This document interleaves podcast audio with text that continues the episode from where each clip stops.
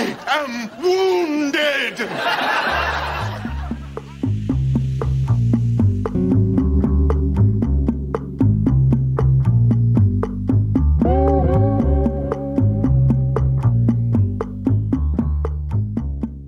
Hej och välkomna till kommentariatet, en podd från Arbetets ledarsida, Arbetets kultursida och Nya Mitten.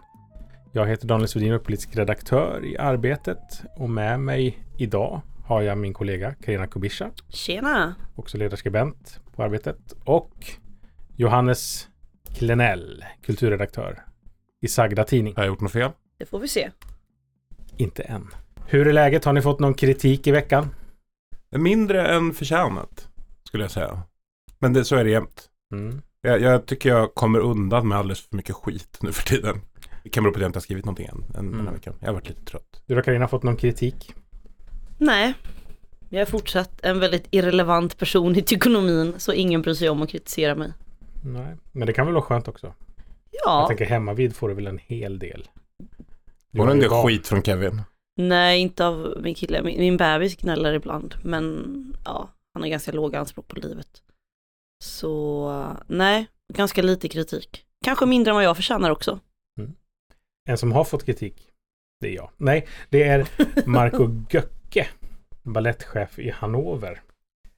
Han har varit med om en otrevlig sak som DN har skrivit om. Så här skriver de. Det var i samband med att Marco Goeckes uppsättning Glaube Liebe Hoffnung hade premiär på Operan i Hannover par söndagskvällen som ballettchefen gick till attack mot kritikern Wiebke Hüster, utrustat med en pase hundbajs. Attacken kom efter att Goecke hotat att porta Hüster från operan på grund av ansagning hon skrivit i tidningen Frankfurter Allgemeine Zeitung. Ja, Hur ser du på bajsattacker Carina? Alltså, jag har faktiskt tänkt på bajsattacker ganska lite. Jag har inte tänkt det som ett alternativ. Nu när jag behöver ta ställning så måste jag väl säga att det är väl, det är väl inte toppen. Det är väl olagligt och sådär men framförallt är det väldigt, väldigt konstigt tycker jag.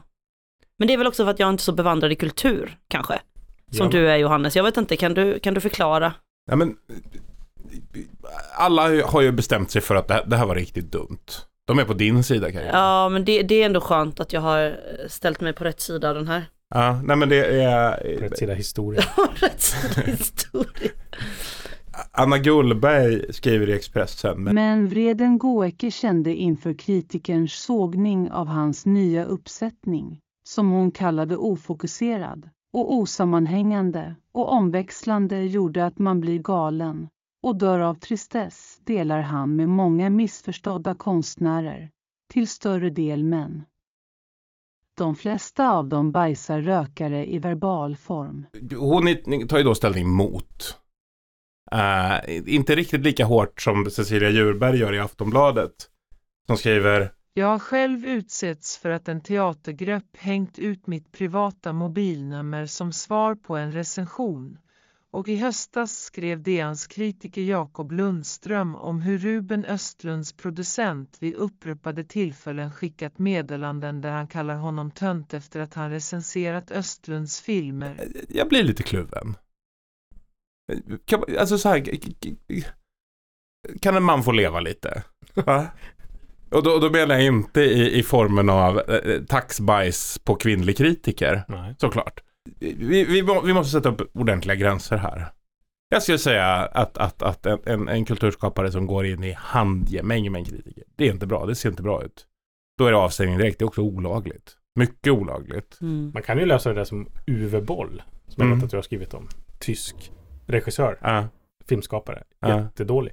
Som bjöd in sina kritiker till en boxningsmatch. So I've wrote like, okay, if you come up here and uh, you fight me, then uh, I will kick the shit out of you. Och han vann Mm. mot fyra stycken. Mm. Eller om det var två. Han hade också tränat väldigt mycket boxning. Ja. så Han sänkte två. ja. Duktig.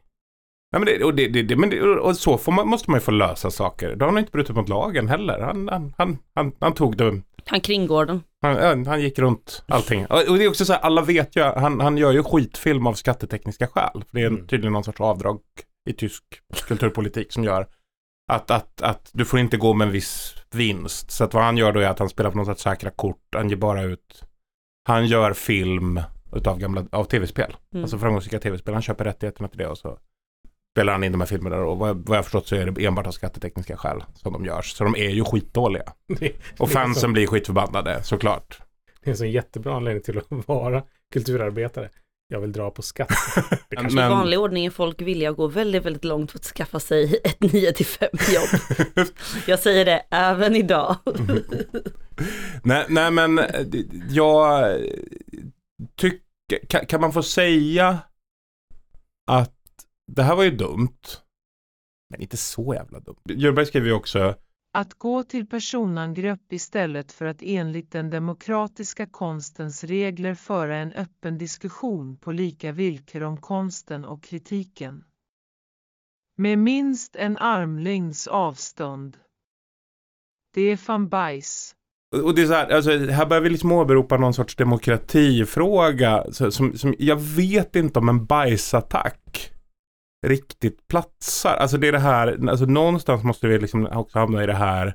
Var det ett hot mot demokratin att Jimmy Åkesson tårtades? Alltså det- är lite där vi befinner oss. Det här, det här är, det är inte nödvändigtvis det värsta som har hänt en människa. Och jag tycker också att det finns ett problem för både Gullberg och Djurberg lyfter ju någonstans att kritiker får svar som ett hot mot demokratin på något sätt eller liksom mot yttrandefriheten.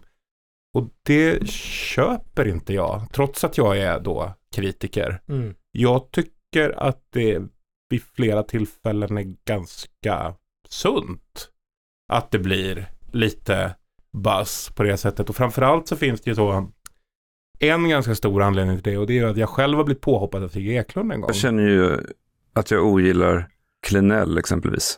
Mm. Efter det han gjorde, de etiska brott han begick i samband med att min bok kom. Vad var det för etiska brott? Att skriva en recension om mig, inte om boken. Ja. Men då tänker jag, om jag hade en Klenell-docka Mm. och slog den sönder och samman med ett brännbollsträ, Mm. skulle man inte få blodsmak av det? Vadå blodsmak? Fan, det här var skönt. Det här vill jag göra mer.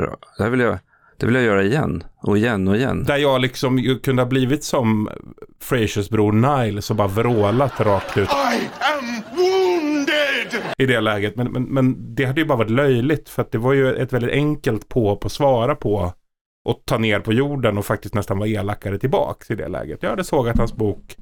Han kallade mig för slö. Mm, Vad har vi på Klenell? Ja, vad har vi på Han har Klenell? skrivit om dig va? Ja, ja, han kan man inte i alla fall säga att han i, i grund och botten är en väldigt begåvad skribent. Men vet du fan. Jag tycker att man får hålla på så. Alltså så här, jag, jag måste ändå få säga det. Eh, jag, tycker, jag tycker att det finns någonting i det där som är ett problem. För jag vet också att Sagdas, Alex och Sigge har ju i princip satt i system att gå på sina kritiker på det sättet. Att, att förolämpa dem offentligt.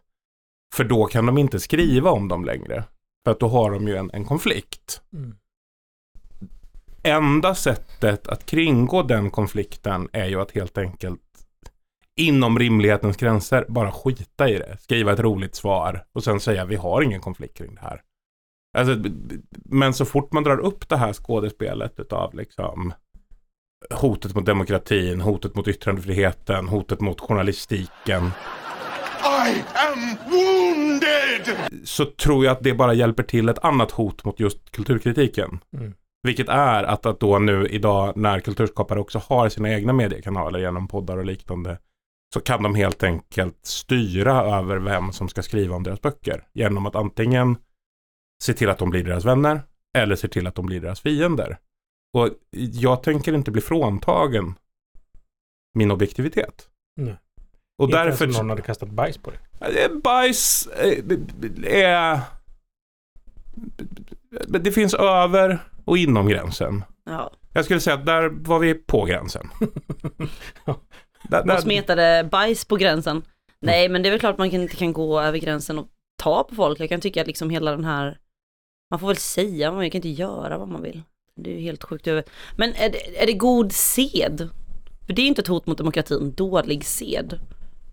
Alltså så här, att svara på någon som har kritiserat dig, det hände ju mig en gång på din sida. Jag har skrivit Mm. en bokrecension och fick mycket kritik för den också. Jag tyckte för sig bara det var roligt. Mm. För då känns det ju som att man har touched a nerve. Ja, nej men det är just det här, jag, jag touchade det här lite när Ruben Östlunds producent kallade Jakob Lundström för, för tönt också. det är ju bara roligt. Alltså ärligt, det är så fånigt så att det kan, det kan ju inte ens kallas en konflikt.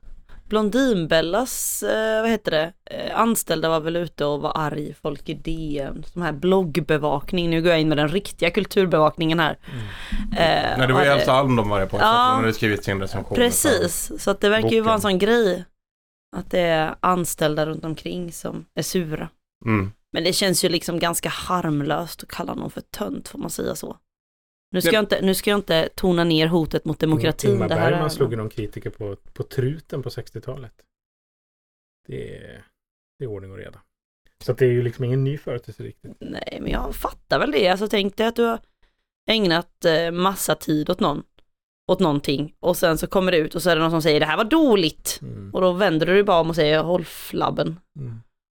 Så Nej. hade man ju liksom reagerat. På, Hundbajspåse på- svängande ut. det är väl Nej men det, det, det är också så här, det, det, det, är lite som det här när vi pratar om kulturens styrning och Miljöpartiet och liksom så. Att så här, det fanns en anledning till att, att även om Miljöpartiet ville göra någonting bra med sin kulturpolitik så var det ändå värt att bevaka lite så här hur mycket kan vi styra kulturen för ändå kommer Sverigedemokraterna in och gör samma sak. Mm. Det är ju lite liksom i, i omvänd ordning så, så förpliktigar ju en diskussion om att kulturskapare inte får svara på sin kritik förpliktar ju också kritikern att inte gå över en gräns. Som vore ganska tråkigt om vi inte gick över ibland. Alltså en passionerad sågning är någonting vackert. Den får inte göras för ofta, men, men, men det, det finns någonting i det som alla tycker om. Och skulle vi bara ha en, en, en neutral kritik på kultursidorna, då skulle ingen läsa kultursidorna längre. Nej. Alltså de här konflikterna är ett samtal om litteratur, ett samtal om kultur och ett samtal om kulturskapande. Som också är ganska underhållande, som faktiskt drar folk till kulturen. Jag tycker det var roligt när jag lyssnade på det här så tänkte jag direkt så här, den här överreaktionen då från, från liksom en, en, en chef på liksom, en opera. Så tänkte jag direkt att ja, men det, det, det finns vissa kulturformer som har lite för hög självbild sett till allmänintresset. Opera. Poeter tar sig själva på alldeles för stort allvar gentemot vad, vad, hur mycket folk egentligen bryr sig om vad de gör. Eh, men det är också en del i livslusten. Det, det, det är ett sätt att hålla de här kulturformerna vid liv och hålla upp ett, ett allmänintresse. Kommer det taxbajs så kommer folk fan med bry sig mer om det än vad de har brytt sig om vad som egentligen hände på scen. Men det kommer dra folk till operan. Det tror jag nog. Men vi har alltså en Elo Mediehus-linje. Passionerade sågningar, ja. Taxbajs, nej. Taxbajs nja. Men- Ja, okej. Det är på, det, det, det, det, det, det, jag skulle ändå säga att det, det, det finns grövre saker. Men, men du och jag Daniel, vi har ju pratat om det här ett par gånger om vad som är över gränsen. Ja, precis. Vi har pratat om, eh, liksom just när det gäller kritik och sådär, och få kritik, att om det liksom skapar ett mervärde. Att Mm. kritiken kan ju skapa mer content, att samtalet på något sätt förs framåt. Mm. Och att det är i sig intressant. Om, om någon är taskig mot mig, eh, på ett sätt som inte stänger ett samtal, alltså taskig i meningen att man debatterar någonting, Mm. och att det inte stänger ett samtal, så är det värt extremt mycket. En av min, det här är ju liksom lite frikopplat, men en, en väldigt rolig sak, och det här är också väldigt länge sedan, är när eh, Olle Svenning, som då var eh, ledarskribent på Aftonbladet, var på, ute i, eh, i Skärholmen och debatterade mot Mauricio Rojas och påstods ha slagit honom två gånger i magen. Slagit Rojas två gånger i magen. Eh, med en ihoprullad tidning. Och det här blev liksom eh, texter om att, att det var liksom vänstervåld och handgemäng. Så försvarade sig Olle Svenning med att jag bara duttade honom lite lätt med en flortunn Le Monde. och det är ju väldigt roligt. Det är ju en rolig fortsättning på ett samtal. Det säger också något om Olle Svenning tänker jag. Han, han läser en flortunn Le Monde. Om allt som kan bli en ny artikel, en ny podd, ett nytt inslag välkomnar man. Ja, och jag tycker att det finns en fara i att stänga den dörren genom att blåsa upp sig och ropa det här är ett hot mot demokratin. Ja, hundra procent. De tråkiga har vunnit om vi fortsätter på det sättet och det gagnar inte den svenska kulturscenen, vare sig på kultursidorna eller på scenerna överhuvudtaget. Det var väl det som var grejen här att Göcke som han hette då, den här eh, i Hannover, hade ju först hotat att porta henne från operan. Vilket jag skulle säga är ett mycket värre straff och en- mycket mer problematisk hållning. Så, det det är liksom, ni får jättegärna bli förbannade på mig när jag kritiserar er och, och skriva någonting om det som jag kan svara på. Men att börja utestänga folk från sammanhangen som är deras jobb, det är ett problem på riktigt. Jag skulle säga att det är det, där har ni det verkliga hotet mot demokratin. Det är det här. Släpp in Klenell, men kasta gärna bajs på honom. Eller överväg. Om han har förtjänat Ja, det. om man har förtjänat. Eh, I tisdags var det ju alla hjärtans dag. Eh, Firade ni? Blev ni uppvaktade? Jag har främst märkt det på äh, mängden godishjärtan man hittar på redaktionens kök. Jo, men jag blev nog lite uppvaktad då. Jag fick en, en ros och frukost på sängen och sånt där. Blir det ingen postning i mansbebisar för dig? Min koriander skötte väl sig. Nej, eh, inget större. Eh, det hade varit pinsamt att få en stor bukett. Det är pinsamt att göra lite för mycket. Ja, Men det är också lite sad att inte få någonting. som, eh, jag har ju stått i blomaffärer tillsammans, vad heter det, heter det blomaffär? Blomsteraffärer heter det väl. Med andra män eh, på alla hjärtans dag. Och det finns ju något enormt ångestskapande att stå där med massa män med täckjackor som står och svettas och inte riktigt vet vad de ska göra, vad de gör och köar. Och så tas, ja, man kommer man fram till kassan och så säger man samma sak som alla andra. Och att man, är, man känner sig så oerhört liksom. En bukett för 200 tack. Ja, Eller vad säger man? ja men det, alltså jag har lite rosor. Nej men vad ska man ha annars? Nej, Det är väl inte som att mottagaren har så jävla mycket mer fantasi än givaren i det här fallet. Nej, verkligen. Nej, det är väl det man förväntar sig. Men det finns ju något, det är ungefär som att vara och handla liksom en, en tjejgrej på Åhléns Nej, men- julafton. Nej men det, det här är så jävla intressant. För, för nu börjar, går vi in i det här att, att vi börjar förtöntiga killar som gör en, en, en, en, en liten gest. Ja. Alltså det det är ju ingen som har en bred fantasi kring alla hjärtans dag. I någon större utsträckning. Eller, Eftersom det är en konstruerad eh, högtid, Mm. liksom som innebär godis, geléhjärtan och rosor, så är det klart att man inte kan ha så mycket fantasi. Om man inte har jättemycket pengar, då kan man ju köpa liksom Ätbara underkläder. Hubba hubba. Eller liksom sådana saker. Men jag, jag skulle väl säga att man kanske inte kan vinna, men man kan verkligen förlora. Det, det är mitt medskick till grabbarna då i podden. Men det känns som att folk generellt mådde ganska piss igår. För Spotify gjorde en sammanställning av vilka låtar som hade spelats mest. Igår säger jag, för vi spelar in onsdag. Eh, igår var det tisdag för oss här nu då. Och eh, på plats nummer fyra så är det en låt av Pink Panthers. Det är alltså ett TikTok-fenomen från engelska Bath. Som har spelat in låten Boys a Liar. Take a look inside your heart. Is there any room for me?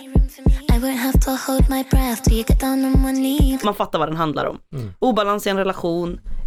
En vill hålla på lite mer, den andra ljuger. Kvinnan hålls på halster. Det är inget bra helt enkelt. Låt nummer tre. Shakiras disslåt mot Piqué.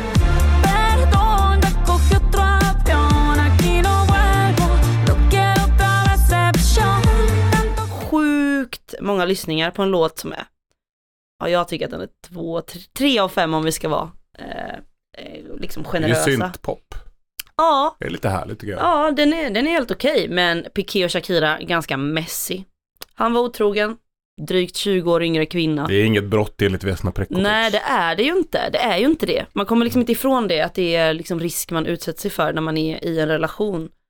Han blev ju påkommen uh, för att han bjöd på sin frugas sylt. Och det Det skulle här han låter ju perversare än vad det Ja, är. nej men verkligen. Det var ju verkligen bara sylt. Eh, men eh, hon svarar ju Han bjöd att... på sin kvinnas sylt. Mm. Eh, och ja, låten handlar väl om att vargar eller she-wolves eller lobas som det heter på spanska. Eh, som hon inte är för snubbar som han och nu är han med en tjej som är lite mer i hans eh, kaliber Utan- menar hon på. Vargar som hon äter alltså sylt. Ja, syltvargar som hon ska inte vara med syltryggar som Piqué då. Nej. Eh, och nu gråter inte eh, kvinnor, säger hon också i låten, utan de fakturerar. Det är också en väldigt intressant grej, för att det hon gör är ju att gråta typ i tre minuter, eller klaga på Vadå, vad, vad, vad säger hon då? Sörj inte prostituera er. Det? eh, jag, jag vet inte riktigt, men hon Så liksom lite. säger väl att hon eh, eh, is going to get that bag och inte hålla på och gråta över någon sån här piké-kille då. Eh, vilket är ännu roligare för att hon ska väl upp i rättegång för att hon har skattefuskat. Så vi hoppas att det går bra med faktureringarna för Shakira. Det låter som Klenus Media AB. Du, Fan, det är många vändor i den här. Men den tredje mest lyssnade låten är ju den här om otrohet då. Mm. Om den här 40 plus kvinnan som blev lämnad för en 22-åring som heter Klara och så gör hon olika typer av wordplay på hennes namn. Så hon klarar sig inte heller. Inte den, den här PK-feminismen vi kör i Sverige, att man inte ska klandra kvinnan utan här Hon får alla sig en syster. ja, här, här får alla sig en släng. Eh, vilket uppenbarligen uppskattas runt om i världen. Nej, jag tycker det är rätt. Ja, det är det väl. Det var inte så att den här kvinnan inte visste att han var gift och hade två barn. Men men, För han är kändis. han är verkligen det. En fotbollsspelare. Fotbollsspelare ja. En, eh, en stor sådan. Mm. Ja.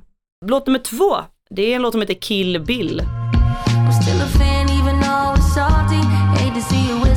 I'm av artisten Zza. Och eh, den här piggar upp lite extra för att hon säger liksom som det är. Hon vill ha ihjäl sitt ex. Hon säger det ganska explicit att hon vill liksom döda honom. Han är lycklig. Och det tär på henne. Han är också därtill troligtvis lycklig med någon annan, vilket får henne att se rött. Och det är en ganska skojig låt i att hon också pratar om att hon går i terapi. Och terapeuten säger till henne att det finns andra män och hon går i terapi och gör det hon ska, men hon vill ändå ha ihjäl den här snubben. Lyssnade inte killar på någonting igår? Nej, jag tror inte det. Mm. Nej, det var tjejernas dag igår. Vi var helt upptagna med att försöka göra rätt. Säg inte grattis, det är en kamp. Det hade inte Flora. Ja, verkligen. Ni hade, ni hade fullt upp att försöka eh, möta, möta kvinnor i deras standarder. Nej, men eh, och det är väldigt mycket roliga grejer som sägs i den här låten för att det, hon tar varken droger eller alkohol, men hon är ändå skitförbannad. Och hon är ändå helt galen. Eh, hon går i terapi, men ja, han ska dö. En känsla att relatera till. Am I right ladies? Jag är inte en lady här, men... men, men Jag tänkte nu händer något. Men, men, eh, men jag, jag, jag, jag får, alltså du, du ropar ju ut frågan Ja, i ett rum.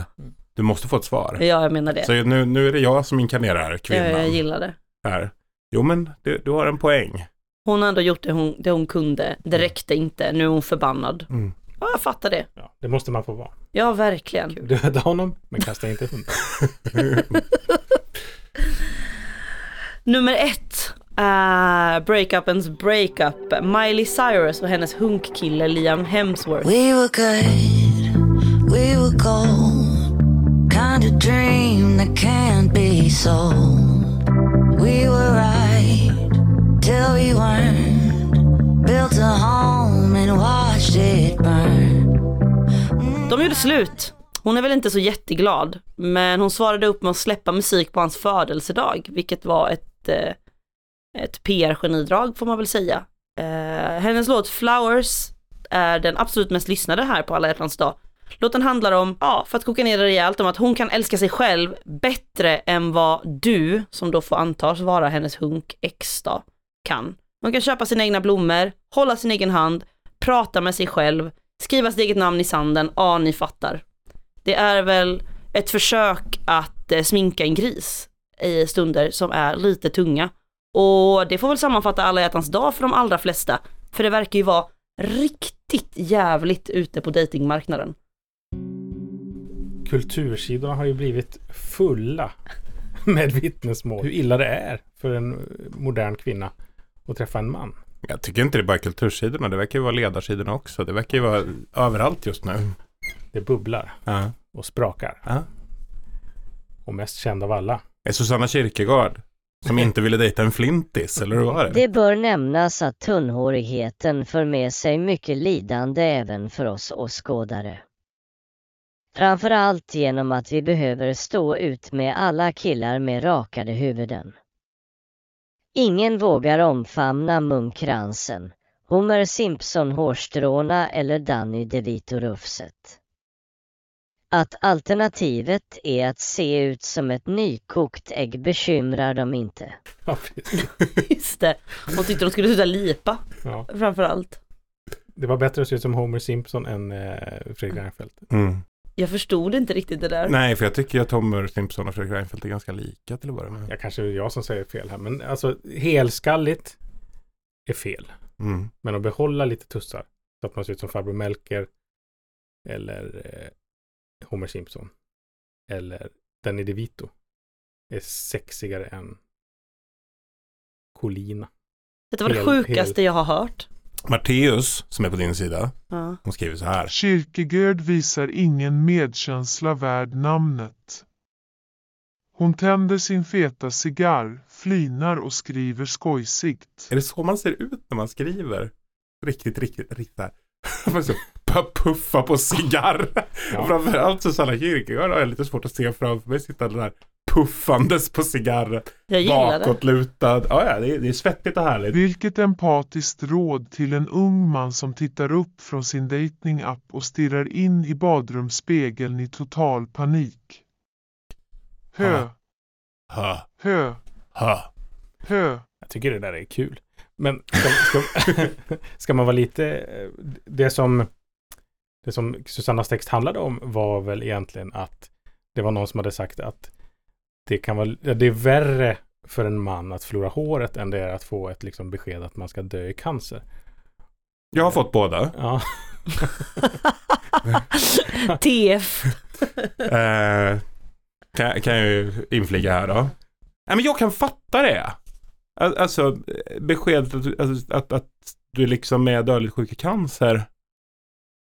Det är liksom inte upp till dig. Det är inte ett personligt misslyckande. Alltså fattar ni liksom? Det är så här. Okej, nu är det bara så här. Alltså det, det, det är någonting. Jag tycker nog så här efter att ha blivit frisk från cancer så är det nog det är svårare att förhålla sig till saker som är så här, ja nu ska det vara så här i 50 år till. Faktiskt, har jag lärt mig, än känslan av, jag kanske är borta om fem månader. Ja, alltså så här, det är ju en högst individuell upplevelse såklart. Men jag kan faktiskt se en sån grej, alltså så här, hur ska det bli med mitt liv nu då? Alltså, som ett ganska långtgående och lite plågsamt lidande. Jag, jag, vill absolut inte så här säga att, att killar är är liksom att, att, att det inte är en överdrift, för det är det klart som fan att det är. Men, men, men det är... Jag kan ändå se det utifrån den principen. Alltså så här... Mm. Jag tycker det konstigaste är att inte jämföra det med de eh, metamorfoserna kvinnor går igenom. Alltså jag menar, typ när man föder barn och sådana här grejer så förändras ju ens kropp ganska mycket, eh, vare sig man vill eller inte. Och så skrattar man ju åt de här eh, resorna till Turkiet som alla människor gör. Det gör i och för sig killar också för att Mm. fixa hårfästet och sånt där. Men alltså att det är liksom, det är ju rätt mycket gnäll på människor som blir tunnhåriga. Mm. Och eh, kvinnor som föder barn, eh, de ska bara hålla käften för det har folk gjort i alla tider. Men folk har också tappat håret i alla tider och det har gått bra för män ändå. Så jag säger grabbar, misströsta ej, ni är fortfarande herrarna på täppan. Men det roligaste med eh, ja, Matteus text är väl det här eh, på slutet empatiskt råd till en ung man som tittar upp från en datingapp. Jag tror inte att Susanna riktigt skrev den som ett, liksom en råd. Men nu handlar allt om dating då? Det gör ju faktiskt. Vad handlar mest om dating? Den, den texten som handlar mest om dating, den är väl den som är skriven i DN av Nora Adin Fares. Som singel och kvinna i Sverige är det tyvärr ett ansvar jag ofta får axla ofrivilligt. Och jag är inte ensam om saken. När jag slängde ut frågan i en Facebookgrupp för kvinnor haglade svaren in och bekräftade det jag och mina vänner diskuterat i flera år. De svenska männen kan vara initiativlösa och kvinnorna är trötta på det. Ja, nej men det kan väl, det kan väl absolut stämma. Det stämmer väl. Eller så här om jag ska gå in i mig själv och tänka på empiri sådär, så är det klart att jag har varit både bättre på att göra det och bättre på hantverket än vad grabbar som jag har träffat har varit. Hantverket dating. Hantverket projektledning, Ja. som är egentligen vad texten går ut på att hon vill sluta göra. Om inte killen, Och det verkar vara ganska enkelt också vad som är projektledning. Är Mm. typ så här, bestäm en krog vi ses på. Nej. ta med en flaska vin, ha, Nej. ha en vets, vespa. Nej men det är liksom så här, för hon skriver ju... I somras hade en av mina vänner träffat samma kille i flera veckor. Flera veckor på sommaren. Ja, du hör. Finns det flera? Ve och fasa. What the Ja, då har, man ändå, då har man ändå investerat. Han var snygg, smart och lite av en poet. Vad betyder det sista? Lite Jag vill bara säga, är det, är det bra eller då? Jag vet inte, lite av en poet. Eh, Sett till en tidigare diskussion vi hade, eh, något av en gnällspik med uppblåst självbild. Man Eh, pratar bara i haiku. eh, Men, men också, också någon som kunde vi- viska Sweet Nothings i hennes öga på rim, eller öra på rim. Ja. Mm. Lite Tjena tjena. Eller vad nu Ja men det- poeter säger. Flåsa och Corinne. Det gillar ju... Ja. Mikrofonteknik som Daniel Svedin helt enkelt, fast i ditt öra.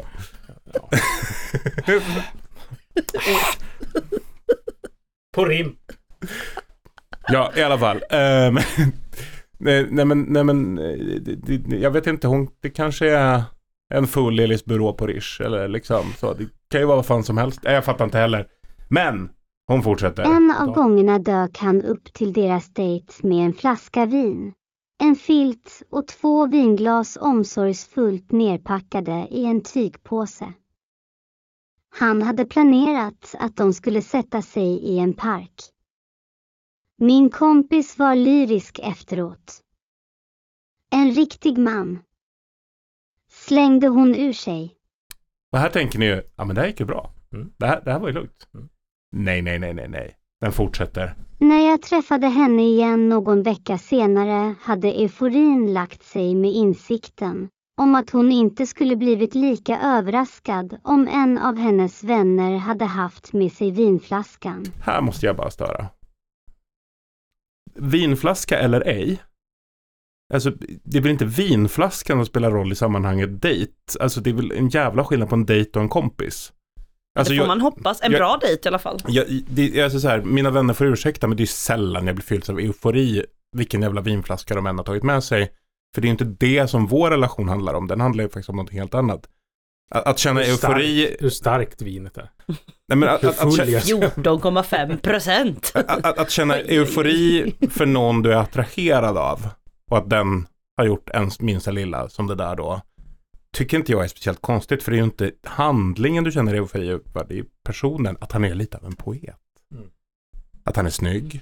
Också att det är omsorgsfullt nerpackat i en tygpåse. Tygpåse. Ja, och ju- omsorg det i är samma ju, mening. Det är ju Elis Byrå de beskriver. Är det en dealbreaker om hon erkänner att hon har internetstalkat dig sedan hon var 14? Eh, Det är bara sexigt. Vet ni förresten vad jag brukar säga är den ultimata bibliotekariefällan? Om ni vill fånga, och gräver ni en grop, lägger ni lite pinnar och liksom sånt över. Och så ställer ni Jonas Hassen Khemiri i en tygpåse ovanpå det. Då kommer de springande.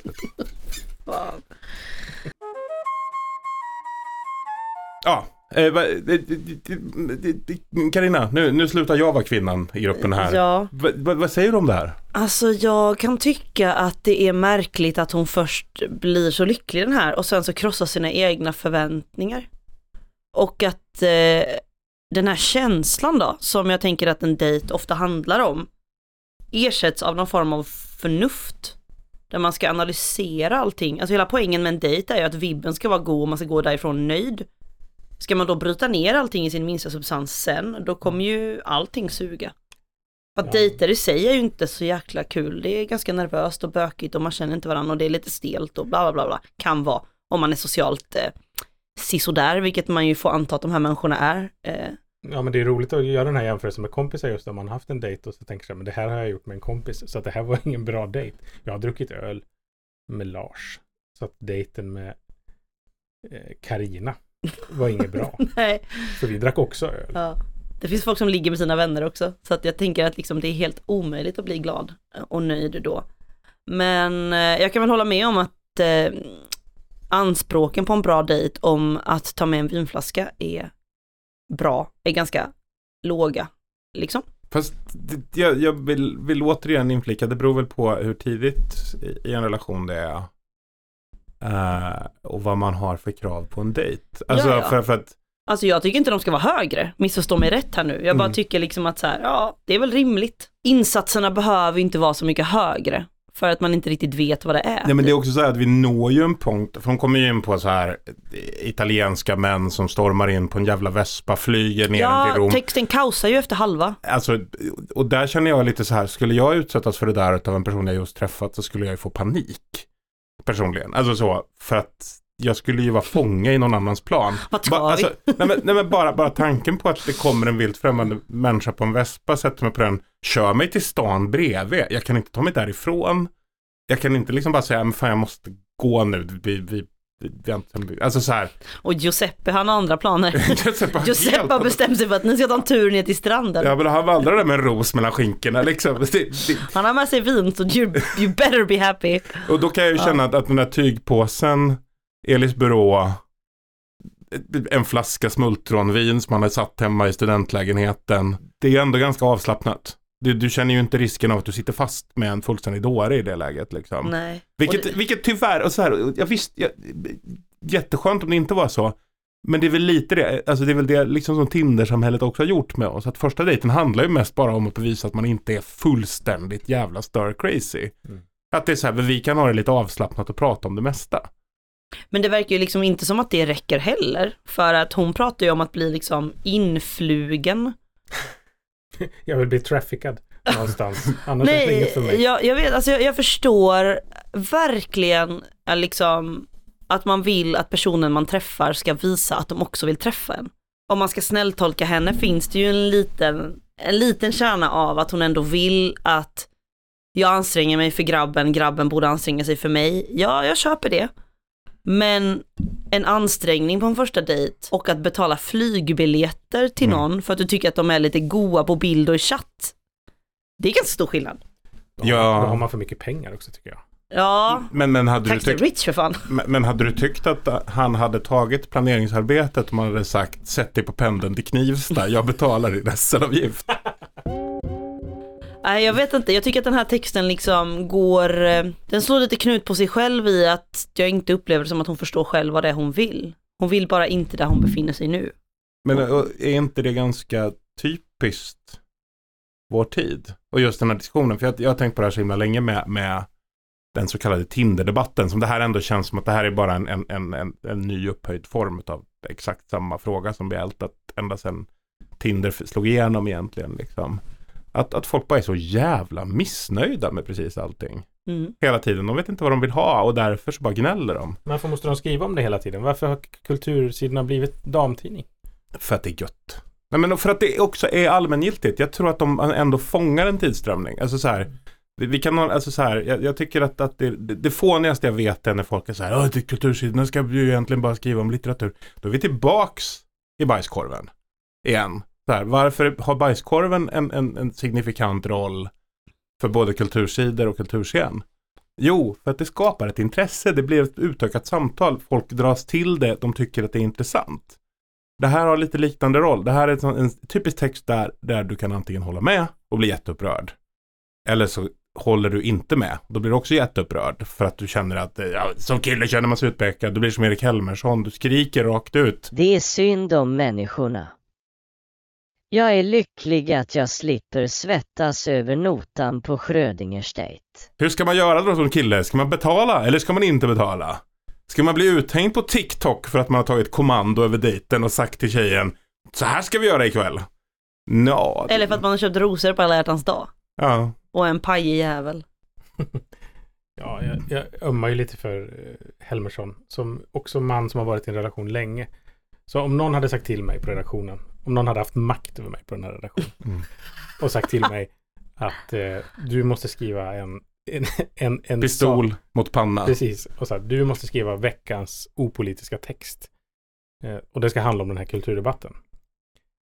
Och nu ska du skriva den. Då hade jag skrivit ungefär den här texten. Om att så här, att jag får panik över, eller jag hade fått panik inför tanken att vara singel i det här samhället. Som någon sorts semi-offentlig människa också. Just det. Jag skrev ju en text i den här debatten, lite skämtsamt i Nya Mitten då. Ja, inte på min politiska. Nej, inte på din politiska sida, utan på Nya Mitten som är lite mer en blandning, hopkok av det mesta. Mm. Där jag skriver mina roligaste texter brukar många skriva. Eh, tips att läsa där då. Eh, Skit i mina ledare, läs bara mina roliga texter. Nej, det ska jag inte säga. Men många vän- vänner har det ju blivit och killar vill bli, inte vill bli ihop och sen vill killar bli ihop men då kan de inte föreslå en restaurang och sen så föreslår de en restaurang men då är den för nära ditt hem eller för långt ifrån ditt hem. Jag fattar inte riktigt. Men eh, det är ju svårt att dejta när de kulturella och politiska avstånden är så stora mellan kvinnor och män då. Men är det det? Alltså, folk vill ju få det till det. Och jag tror väl att de är ganska stora, men de har väl alltid varit. Det ligger väl någonting i det här med att det fanns kontrakt innan som var lite allmängiltiga. Men det var väl samma panik som folk fick när kvinnor ville plocka halva notan. Som när man nu går tillbaka och säger att killar ska plocka hela. Alltså det är ju olika, olika människor. Men jag, jag, vet bara inte, jag, jag, jag, jag, jag, jag har ingen erfarenhet. Alltså förmodligen, och, och damerna i fråga här får ursäkta för att jag aldrig hade ens hamnat i situationen att jag hade varit på en dejt med en människa som hade haft de här kraven på livet. Jag hade, hade, du, inte, hade du märkt det då? nej, jag hade ju aldrig passerat första filtret. Ja, just det. Alltså så, jag tror faktiskt inte det. Nej, det är ju Eh, det och också. den personen hade förmodligen inte passerat mitt första filter heller. Liksom, för att jag har aldrig levt i en sån värld. Eh, jag, har liksom inga dåliga erfarenheter utav sig till. Alla har varit jättetrevliga, roliga människor. Har man haft lite tråkigt på en dejt och ses man bara inte igen. Alltså det är liksom, det är ju därför de här, liksom, om ni frågar mig, om dejtandet är anspråkslöst också. Det är ju för att man testar lite, man känner lite på varandra. Och jag fattar att alla vill leva som i en romcom och bla bla bla. Liksom. Men, men någonstans måste man ju hålla någon sorts realism i huvudet. Tycker jag. Så.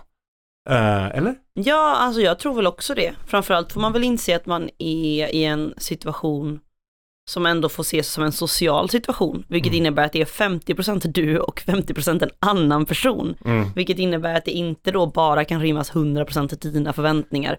Och det är väl det här som är lite konstigt, för att det känns som att man nu går in i en situation där man diskuterar typ så, hur är man en rimlig person och hur interagerar man med människor? Har ni sett det här eh, Love, eh, Love on the Spectrum på Netflix? Nej. Och Inte jag. då, där handlar det ju om att människor som är på, som har NPF-diagnoser får stöd i dating och då får de sådana här tips. Mm. Typ, ställ lite frågor, försök känna efter, var inte för framfusig, ställ inte för mycket krav, tänk på att det är en annan människa i rummet. Och lite så känns det som att man skulle vilja flika in och säga till människor som försöker dejta. Det är så, jaha du tycker att hans skor är fula. Jaha du tyckte att han tog med sig för billigt vin. Eller han plockar inte notan, han är en pissluffare. Ja. Ja, det kanske är lite orimligt att vara så jäkla fyrkantig. Eller jag vet inte. Det är bara märkligt, jag kan inte förstå det. Nej, men det, och det, det, det som händer här är ju att, att hon, hon slutar texten med att flytta till Rom. Är det konjunkturens fel? Det tror jag. Mm. Det brukar väl säga så att i, i kristider så går man mer mot sådana köks och hemorienterade värderingar. Men å andra sidan eh, så har det väl varit här så himla länge, både i hög och lågkonjunktur. Nu har vi det fattigt, men för ett par år sedan hade vi det rikt. Så Karina, hur ska man dejta i en lågkonjunktur?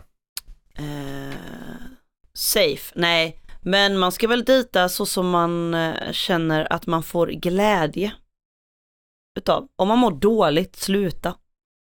Det är mitt enda tips. Jag tycker folk verkar utsätta sig för massa skit som de mår dåligt av.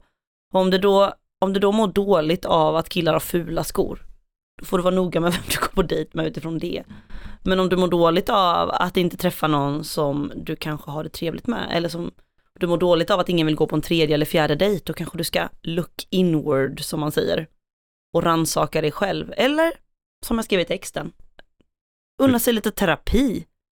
Och om inget annat funkar, flytta till Rom. Jag hörde att också det är enbart är 60% av italienska kvinnorna som jobbar. Det är väl ett toppensamhälle va? 40% står utanför arbetsmarknaden och sådär. Vilken dröm för kvinnor. Snacka om vem som tar notan i en sån, i en sån ekonomi. Nej, jag menar det. Det blir skönt. Det är tydligt. Det finns eh, konventionella ramar att förhålla sig till. Ja, och med de orden så avslutar vi det här avsnittet av kommentariatet. Vill du leda oss ut ur det här Daniel Svedin? Nej, jag tycker vi, vi slutar väl med att spela en av eh, Karinas låtar va? Ja, Vilken tar vi? Vilken ska vi köra? Någon av de här som...